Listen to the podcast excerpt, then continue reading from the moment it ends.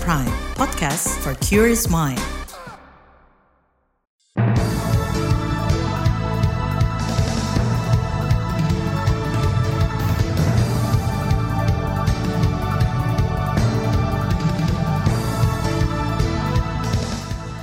Halo selamat pagi, saudara senang sekali bisa menjumpai Anda kembali melalui program Buletin Pagi edisi Kamis 28 Desember 2023, saya Malika. Sejumlah informasi pilihan telah kami siapkan. Ketua nonaktif KPK Firly Bahuri langgar etik berat. Rawan kecurangan KPU diminta evaluasi pendistribusian logistik pemilu. Ratusan pendaftar KPPS di Rembang terindikasi sebagai anggota parpol. Inilah Buletin Pagi selengkapnya. Terbaru di Buletin Pagi. Saudara Dewan Pengawas Komisi Pemberantasan Korupsi KPK memutuskan Ketua Nonaktif KPK Firly Bahuri bersalah dan terbukti melanggar kode etik berat. Dewas KPK meminta Firly mundur dari pimpinan KPK. Ketua Dewas KPK Tumpak Panggabean mengungkap Firly terbukti melakukan pertemuan dengan bekas Menteri Pertanian Syahrul Yasin Limpo, padahal Syahrul merupakan pihak berperkara di KPK. Satu, menyatakan terperiksa saudara Firly Bahuri telah terbukti secara sah dan meyakinkan melakukan pelanggaran kode etik dan kode perilaku yaitu melakukan hubungan langsung maupun tidak langsung dengan Sarul Yasin Limpo yang perkaranya sedang ditangani oleh KPK dan tidak memberitahukan kepada sesama pimpinan mengenai pertemuan dan komunikasi dengan Sarul Yasin Limpo. Ketua Dewas KPK Tumpak Panggabean menambahkan Firly Bahuri juga tidak melaporkan sebagian asetnya ke laporan harta kekayaan penyelenggara negara LHKPN. Aset yang tidak dilaporkan itu meliputi sebidang tanah di Bekasi, Sukabumi, Bogor, dan Palembang, serta kepemilikan falas dan pembayaran sewa rumah yang termasuk komponen yang wajib dilaporkan dalam LHKPN. Putusan etik ini sudah dikirim Dewas KPK ke Istana siang kemarin. Ketua Nonaktif KPK Firly Bahuri sudah mengajukan perbaikan surat pengunduran dirinya kepada Presiden Joko Widodo melalui Kementerian Sekretariat Negara pada Sabtu lalu. Surat itu diperbaiki setelah ditolak istana karena alasan pengunduran dirinya tidak sesuai Undang-Undang KPK. Dalam surat sebelumnya, Firly meminta Presiden memproses pemberhentian dengan hormat sebagai pimpinan KPK periode 2019-2024 dan tidak ingin jabatannya diperpanjang hingga tahun depan. Belet itu menyebut pernyataan berhenti bukan merupakan syarat pemberhentian pimpinan KPK. Pimpinan KPK bisa berhenti atau diberhentikan karena meninggal, masa jabatan habis, maupun melakukan perbuatan tercela hingga alasan berstatus sebagai terdakwa. Sidang etik yang diselenggarakan Dewas KPK tidak dihadiri oleh Firly Bahuri. Bekas Kapolda Sumatera Selatan itu menghadiri pemeriksaan oleh kepolisian. Dia telah berstatus sebagai tersangka sejak akhir November dalam kasus pemerasan atau penerimaan gratifikasi berkaitan dengan penanganan persoalan hukum di Kementerian Pertanian. Firly terancam hukuman maksimal penjara seumur hidup. Di lain pihak, Saudara Istana memastikan sudah menerima revisi surat pengunduran diri Firly dalam keterangan tertulis kepada KBR, Kepala Kantor Staf Kepresidenan KSP Muldoko menyerahkan proses pelanggaran etik Firly Bahuri kepada Dewas KPK. Dia mengatakan istana tidak mencampuri kewenangan Dewas. Kata dia istana mendorong KPK berbenah dan mengevaluasi agar kasus serupa tidak terulang. Sementara pakar hukum tata negara meminta agar istana kepresidenan hanya memproses surat pemberhentian dari Dewas KPK terkait pemberhentian Firly. Pakar Hukum Tata Negara dari Universitas Andalas Ferry Amsari mengatakan prosedur pengunduran diri yang diajukan Firly tidak sesuai konsep administrasi. Kata dia pemberhentian Firly harus didasari adanya putusan pelanggaran etik berat, bukan pemberhentian dengan hormat sesuai yang diinginkan Firly. Kalau dia uh, mengundurkan diri mungkin akan segera direspon untuk diberhentikan oleh presiden, tetapi itu bermasalah sebab dia mengundurkan diri itu di tengah upaya pemeriksaan uh, etika uh, dan pidananya. Jadi mestinya dewas yang akan bersurat untuk kemudian uh, memberhentikan agar presiden memberhentikan Firly dengan tidak hormat. Pakar Hukum Tata Negara Ferry Amsari menambahkan saat pengunduran diri Firly dikabulkan Presiden, maka yang bersangkutan tidak lagi menerima hak-haknya sebagai pimpinan KPK. Kata dia pemberhentian ini tidak berpengaruh terhadap penegakan hukum pidana yang menyeretnya.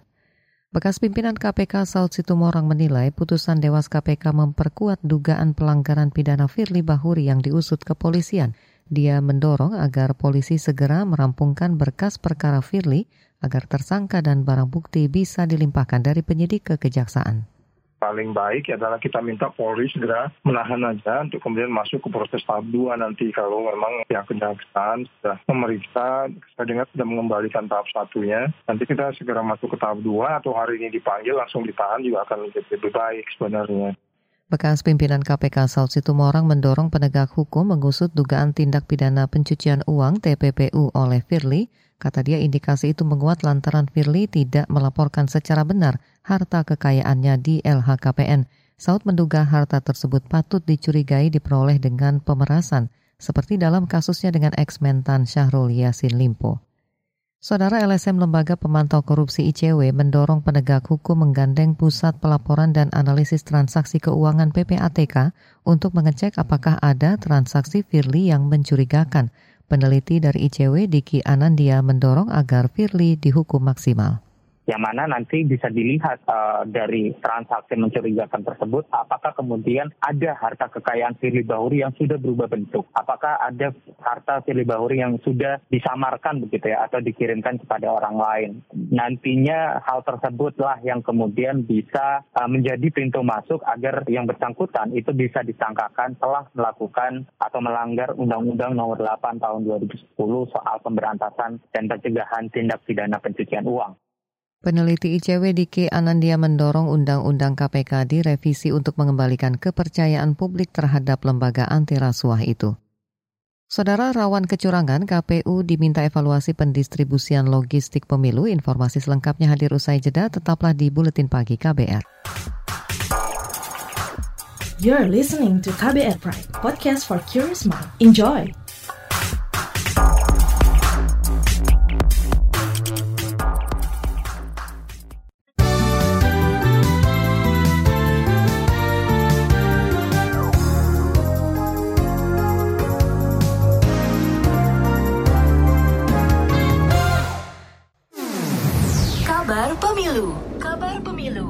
Saudara sebagian kalangan DPR mendesak Komisi Pemilihan Umum mengevaluasi pendistribusian logistik pemilu di dalam maupun luar negeri. Anggota Komisi Kepemiluan di DPR Gus Pardigaus mengatakan distribusi logistik masih rawan dicurangi. Dia mengingatkan kecurangan itu dapat menurunkan integritas hasil pemilu apakah bocor, apakah pengiriman tidak tepat waktu, kertas suara yang sobek, kertas suara dimainkan dan lain sebagainya. Dari awal-awal itu sudah harus diantisipasi. Oleh karena itu tidak ada alasan manakala masih terjadi hal-hal yang semacam itu. Oleh karena itu kalau memang masih saja terjadi hal demikian, kita berharap kepada para PU untuk segera mawas diri itu tadi anggota Komisi Kepemiluan di DPR Gus Pardigaus. Sebelumnya sebuah unggahan video di media sosial memperlihatkan surat suara pemilihan presiden sudah dibuka oleh salah satu WNI di Taiwan. Surat suara itu diakuinya baru saja diterima melalui kiriman pos, padahal pemilih luar negeri baru mencoblos pada 2 hingga 11 Januari 2024. Komisi Pemilihan Umum Daerah Solo, Jawa Tengah menyiapkan tiga tempat pemungutan suara khusus untuk pemilu 2024. Ketua KPUD Solo Bambang Kristanto mengatakan TPS khusus diperuntukkan bagi pemilih yang masuk kategori tahanan, narapidana maupun orang dengan gangguan jiwa. Menurut Bambang, TPS khusus itu untuk memastikan pemenuhan hak pilih dari tiga kelompok rentan itu. Ini bagaimana TPS kita kan sekarang aduh sampai 500 ya, sekarang kan tak kurangi maksimal 300. Tetap ya 2019, tapi tapi dengan apa Mas? Dengan 300 pun kita maksimal 300 karena 300 nanti di situ tetapi konsekuensinya oh mas jenenge TPS kita bertambah. Iya jadi sekarang menjadi 1773 ya yang tiga itu lokasi khusus. Satu di Gria PMI Lebres dua lokasi khusus di urutan kelas 1A Ketua KPUD Solo Bambang Kristanto menambahkan pasien ODGJ yang mendapatkan hak suara adalah pasien yang sudah mengantongi rekomendasi dokter dan dinyatakan cakap atau layak kesehatan jiwa untuk menggunakan hak pilihnya. Sebanyak lebih 450 pendaftar kelompok penyelenggara pemungutan suara KPPS Pemilu 2024 di Kabupaten Rembang, Jawa Tengah terindikasi sebagai anggota partai politik. Anggota Bawaslu Kabupaten Rembang, Dovarul Mutakin, mengatakan hal itu melanggar Undang-Undang Pemilu. Kata dia, temuan itu didapat setelah mencermati nama peserta yang diumumkan lolos administrasi calon anggota KPPS. Dari pencermatan itu ditemukan nama-nama yang masuk dalam sipol KPU. Nama-nama itu kita cross check melalui NIK dan data diri dari pendaftar. Anggota Bawaslu Kabupaten Rembang Dofarul Mutakin memastikan pembentukan KPPS terus dikawal agar independen dan mengacu pada aturan. Ia menyebut nama-nama yang masuk sipol memang belum tentu menjadi anggota partai politik. Karenanya dia mendorong KPU Rembang mengambil langkah-langkah penanganan. Kita ke informasi lain, Komite Aksi Solidaritas untuk Munir Kasum mendorong penegak hukum transparan dalam menginformasikan perkembangan dan pengusutan kasus pembunuhan aktivis HAM Munir Said Talib atau Cak Munir. Sekretaris Jenderal Kasum Bivitri Susanti mengatakan penegakan hukum atas kasus pembunuhan Munir mangkrak selama hampir 20 tahun sudah hampir 20 tahun nih berarti ya 2024 tahun depan itu sudah hampir 20 tahun ketidakadilan ini tidak bisa didapatkan oleh keluarga korban. Jadi persoalannya bukan mau memburu-buru untuk kepentingan-kepentingan lain selain keadilan. Justice delayed is justice denied. Jadi kami masih melihat bahwa tidak ada keadilan yang diberikan oleh keluarga korban. Sebelumnya Komnas HAM menargetkan penyelesaian penyelidikan kasus Munir akan rampung pada akhir tahun ini. Komnas HAM pun telah membentuk tim ad hoc agar kasus ini terang benderang. Namun hingga kini belum ada penjelasan terkait hasil penyelidikannya ke publik. Pada 2014 Munir dinyatakan tewas akibat diracun saat penerbangan ke Amsterdam. Pengadilan telah memutus bebas murni pilot Garuda Indonesia Polikarpus usai menjalani masa tahanan selama lebih 8 tahun. Kita ke berita mancanegara. Palestina mendesak PBB mengumumkan bencana kelaparan di jalur Gaza yang masih menghadapi gempuran Israel sejak 7 Oktober. Dikutip antara Kementerian Luar Negeri Palestina mengungkap ada satu juta lebih warganya yang kelaparan. Hal itu senada dengan laporan PBB sebelumnya yang menyatakan empat dari lima orang yang paling kelaparan di seluruh dunia berada di Gaza. Selain itu, hampir 2 juta pengungsi berlindung di pusat penampungan dan mengalami kelaparan parah, termasuk 50 ribu ibu hamil tanpa air, obat-obatan, atau layanan kesehatan. Kita ke berita olahraga, Manchester City berhasil comeback di markas Everton dengan lanjutan Liga Inggris. Dalam lanjutan Liga Inggris, sempat tertinggal di babak pertama, The Citizen menang 3-1. Everton versus Man City berlangsung di Goodison Park Kamis dini hari tadi. The Toffees memimpin 1-0 lebih dulu di babak pertama lewat Jack Harrison, namun Man City akhirnya bisa comeback di babak kedua. Tiga gol masing-masing dicetak Phil Foden, Julian Alvarez, dan Bernardo Silva yang mengubah skor akhir 3-1 untuk pasukan Pep Guardiola.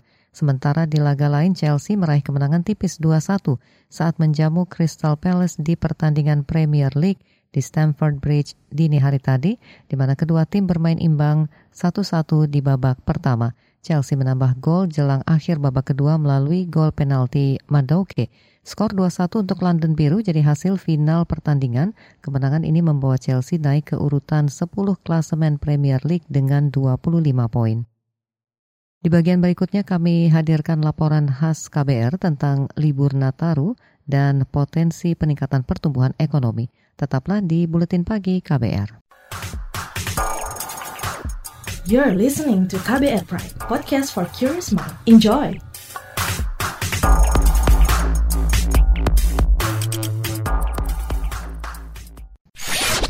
Commercial break. Commercial break. Buat kamu yang always hektik, apalagi di kantor yang toxic, working gak ending-ending, ditambah si bos yang grumpy, bikin salty. Apaan tuh artinya, Neng? Artinya si bos cerewet dan bikin bosen. Oh. Join yuk di KBR Pagi, siaran pagi radio paling update, menghadirkan berbagai informasi yang paling update dan terkini, ditambah playlist yang lit and chill. Apaan lagi ini artinya, Neng? Ih, rese. Artinya keren dan menyenangkan. Oh iya iya. Simak KBR Pagi setiap Senin sampai Jumat mulai pukul 7 pagi di radio jaringan KBR dan podcast kbrprime.id.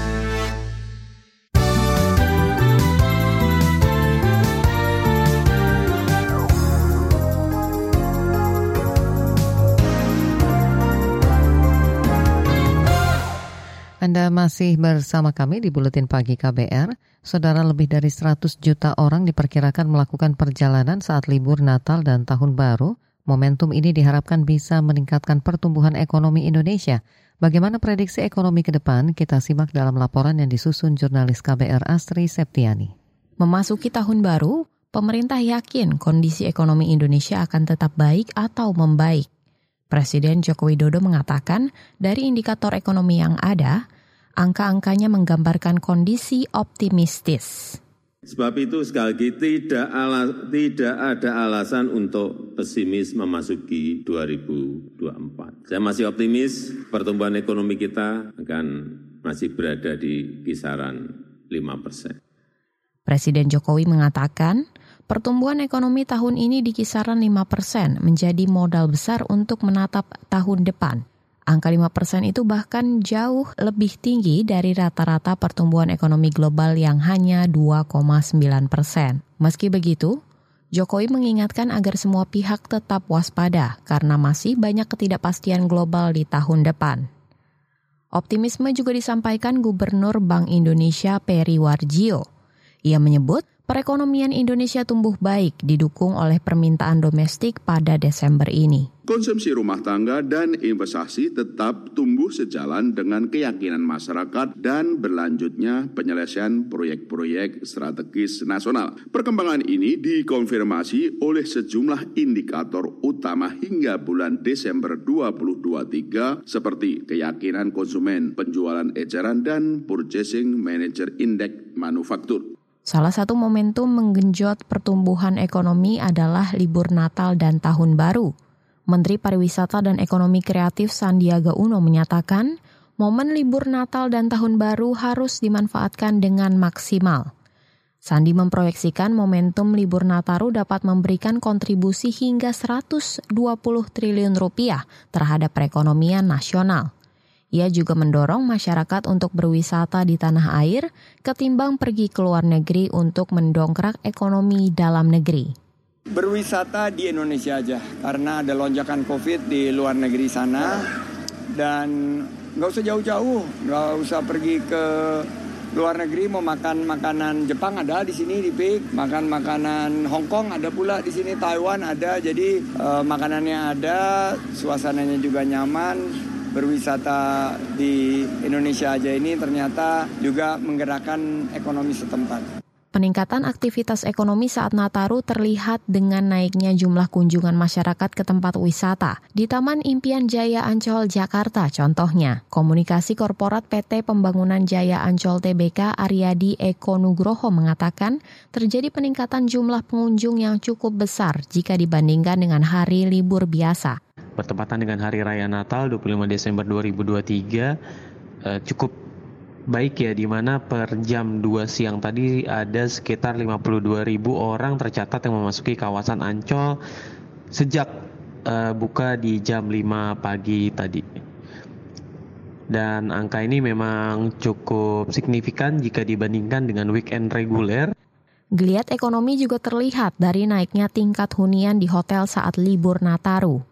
Persatuan Hotel dan Restoran Indonesia PHRI memperkirakan secara nasional okupansi hotel di akhir tahun tembus 70 persen.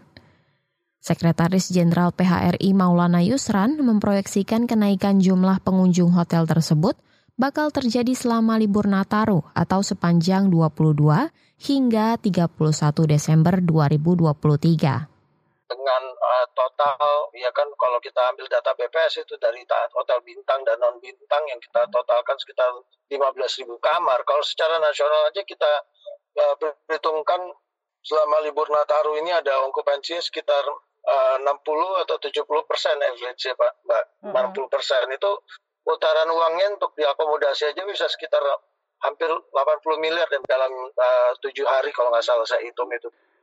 Sekretaris Jenderal PHRI Maulana Yusran mengatakan, libur Nataru ini didominasi dengan pergerakan orang berwisata. Daerah tujuan wisata terbanyak antara lain Pulau Bali, Pulau Jawa, Sumatera, hingga Sulawesi. Demikian laporan khas KBR yang disusun jurnalis Astri Septiani. Saudara informasi dari berbagai daerah hadir usai jeda, tetaplah bersama kami di Buletin Pagi KBR. You're listening to KBR Pride, podcast for curious mind. Enjoy!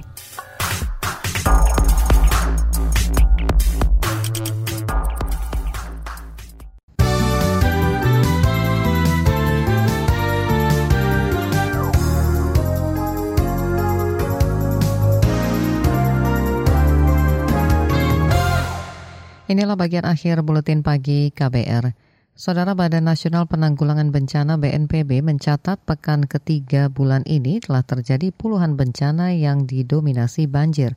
Juru bicara BNPB Abdul Mohari mengatakan intensitas hujan sangat tinggi terjadi di sebagian wilayah Sumatera minggu ketiga Desember 18 sampai 24 Desember ada 35 kali kejadian bencana didominasi oleh uh, banjir. Tapi masih ada kebakaran hutan dan lahan dua kejadian dilaporkan karena ada masih ada faktor di luar monsun normal yang sudah masuk hujan tapi kita tetap masih ada dalam pengaruh uh, El Nino. Untuk Sumatera, Sumatera. Uh, Sumatera Barat, kemudian Riau, Sumatera Utara dan Aceh itu sangat sangat intens, sangat uh, signifikan Juru bicara BNPB Abdul Mohari mengatakan akibat banjir pada sepekan terakhir sebanyak lebih 18.000 rumah terendam dan 63.000 masyarakat mengungsi. Bencana hidrometeorologi juga mengakibatkan satu orang meninggal dan dua luka-luka. Kita ke Kalimantan Timur, Presiden Joko Widodo mengeklaim nilai investasi yang masuk ke Ibu Kota Negara atau IKN Nusantara sudah mencapai 41 triliun rupiah – Jokowi juga memastikan pembangunan sejumlah infrastruktur terus berjalan sesuai rencana, seperti pembangunan hotel hingga rumah sakit.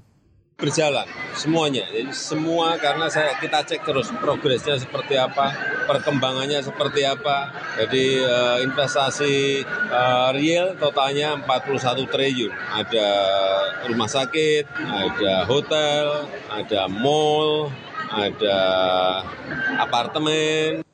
Presiden Jokowi juga menyebut saat ini ada sekitar 30 investor mengantre untuk pembangunan awal atau groundbreaking di IKN. Namun Jokowi enggan menjawab berapa jumlah investor IKN dari luar negeri. Sebelumnya, Badan Otorita IKN mencatat ada 10 perusahaan swasta yang melakukan groundbreaking. Kita ke informasi lain, Asosiasi Pedagang Pasar Seluruh Indonesia APPSI mengungkap harga cabai, bawang, beras, dan kebutuhan pokok lainnya masih terpantau tinggi saat Nataru. Sekjen APPSI Ngadiran mengatakan kenaikan harga bahan pokok terjadi karena mengikuti harga jual dari pemerintah. Yang jelas beras masih mahal, cabai mahal, beberapa jenis juga mahal. Artinya harganya tidak normal. Ya, tidak harga standar normal, di atas harga rata-rata normal. Sekjen APPSI Ngadiran mendorong pemerintah menyediakan bahan-bahan pokok dengan harga terjangkau. Dia menegaskan kenaikan harga bahan pokok saat ini membebani masyarakat. Masih soal pangan, Polri mengungkap penyelewengan komoditas beras menjadi salah satu kasus paling banyak ditindak Satgas Pangan selama 2023 Kapolri Listio Sigit Prabowo mengeklaim penindakan itu guna menjaga ketersediaan dan stabilitas bahan pokok. Kapolri juga menambahkan Satgas Pangan melakukan upaya pencegahan penyelewengan dengan 158 ribu upaya preemptif dan preventif. Menurutnya angka itu naik hampir 900 kegiatan ketimbang tahun lalu. Saudara informasi tadi menutup jumpa kita di Buletin Pagi hari ini. Pantau juga informasi terbaru melalui kabar baru situs kbr.id, Twitter kami di akun @beritaKBR serta podcast di alamat kbrprime.id. Saya Malika bersama tim yang bertugas undur diri. Salam.